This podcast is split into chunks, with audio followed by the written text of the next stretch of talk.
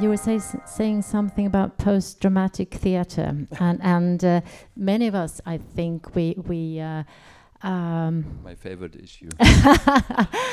well, for us, uh, post dramatic theatre was kind of uh, uh, born at uh, Gießen, or, or it, it, it's connected to German theatre, sometimes uh, even um, the same as German theatre. So, what is your opinion or what is your well first of all i have to say i'm hosting at Schaubühne a lot of uh, directors who you could consider to be part of the post-dramatic theater world. Like herbert fritsch when you look at uh, der die mann murmel murmel um, null um, uh, or other shows which he did this is 100% um, post-dramatic theater. Or uh, the work of Romeo Castellucci, which we are hosting and which we are inviting again and again to be part of our repertoire. So I'm not saying I'm, I'm completely against it uh, or uh, this is bullshit, but as all um, avant-garde movements are really um, important movements in art, uh, there is Da ist die Speerspitze. So there is the avant-garde, which means the people who are avant les autres, in front of the others.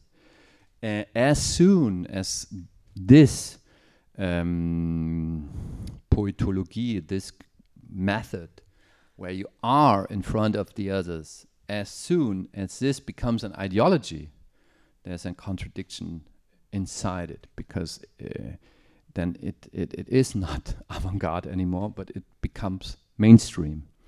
And part of the industry, as you were And part it. of the industry, yes. And um, th that's where I have my biggest problems. So I see a lot of young theater makers, what, what I just explained before, who are uh, copying these forms um, without any contribution to these forms uh, without any new idea, uh, without content in a lot of cases. So I think this all started not even in the 60s, but even earlier. The, the, the roots of post-dramatic theater are probably um, 1600 around when Shakespeare started writing. So in the end, Shakespeare is a post-dramatic writer because he is eclecticistisch.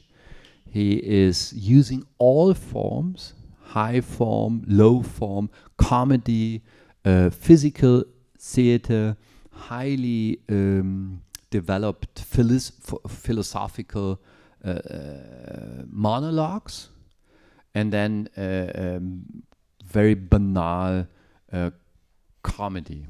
So the, he's he's putting these all together, and if you look at the description of Hans Thies Lehmann, what's it all about, post-dramatic theater, you can 80% adapt on Shakespeare.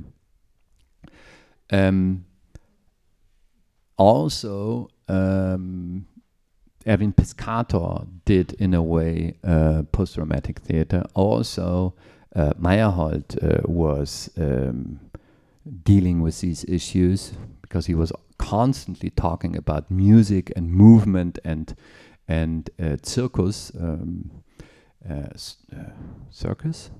Um, and then of course uh, Brecht. I think um, a lot of what Brecht developed so not identifying with the character showing the issue and not uh, being it is of course, this whole Verfremdungseffekt, this effect of alienation, is uh, at the source, at the beginning of post-dramatic theater. Um, then these forms were combined with um, modern American dance, or modern American dance was very important as a source of influence. Political theater at the late 60s in New York, uh, Puppet Theater, uh, all this was very important um, to, to, to develop post dramatic um, theater. Uh, I, I do believe, or that that is my reading of it, or I, I said this in some interviews that um, for me nowadays, post-dramatic theater is what socialist realism was in Soviet times. Uh, I, and then I call it uh, capitalist realism because socialist realism was the ideology and the official art form and promoted by power because it didn't put the world represented by the Soviet Union into question.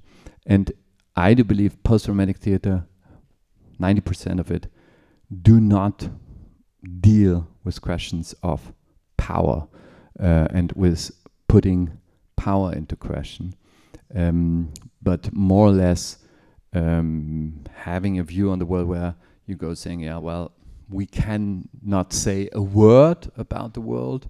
Truth is to be deconstructed or not existing even, and um, it's just a broken mirror, and we don't know anything about it. And that, of course, this kind of art is uh, the most harmless art if you uh, think about um, questions of political power.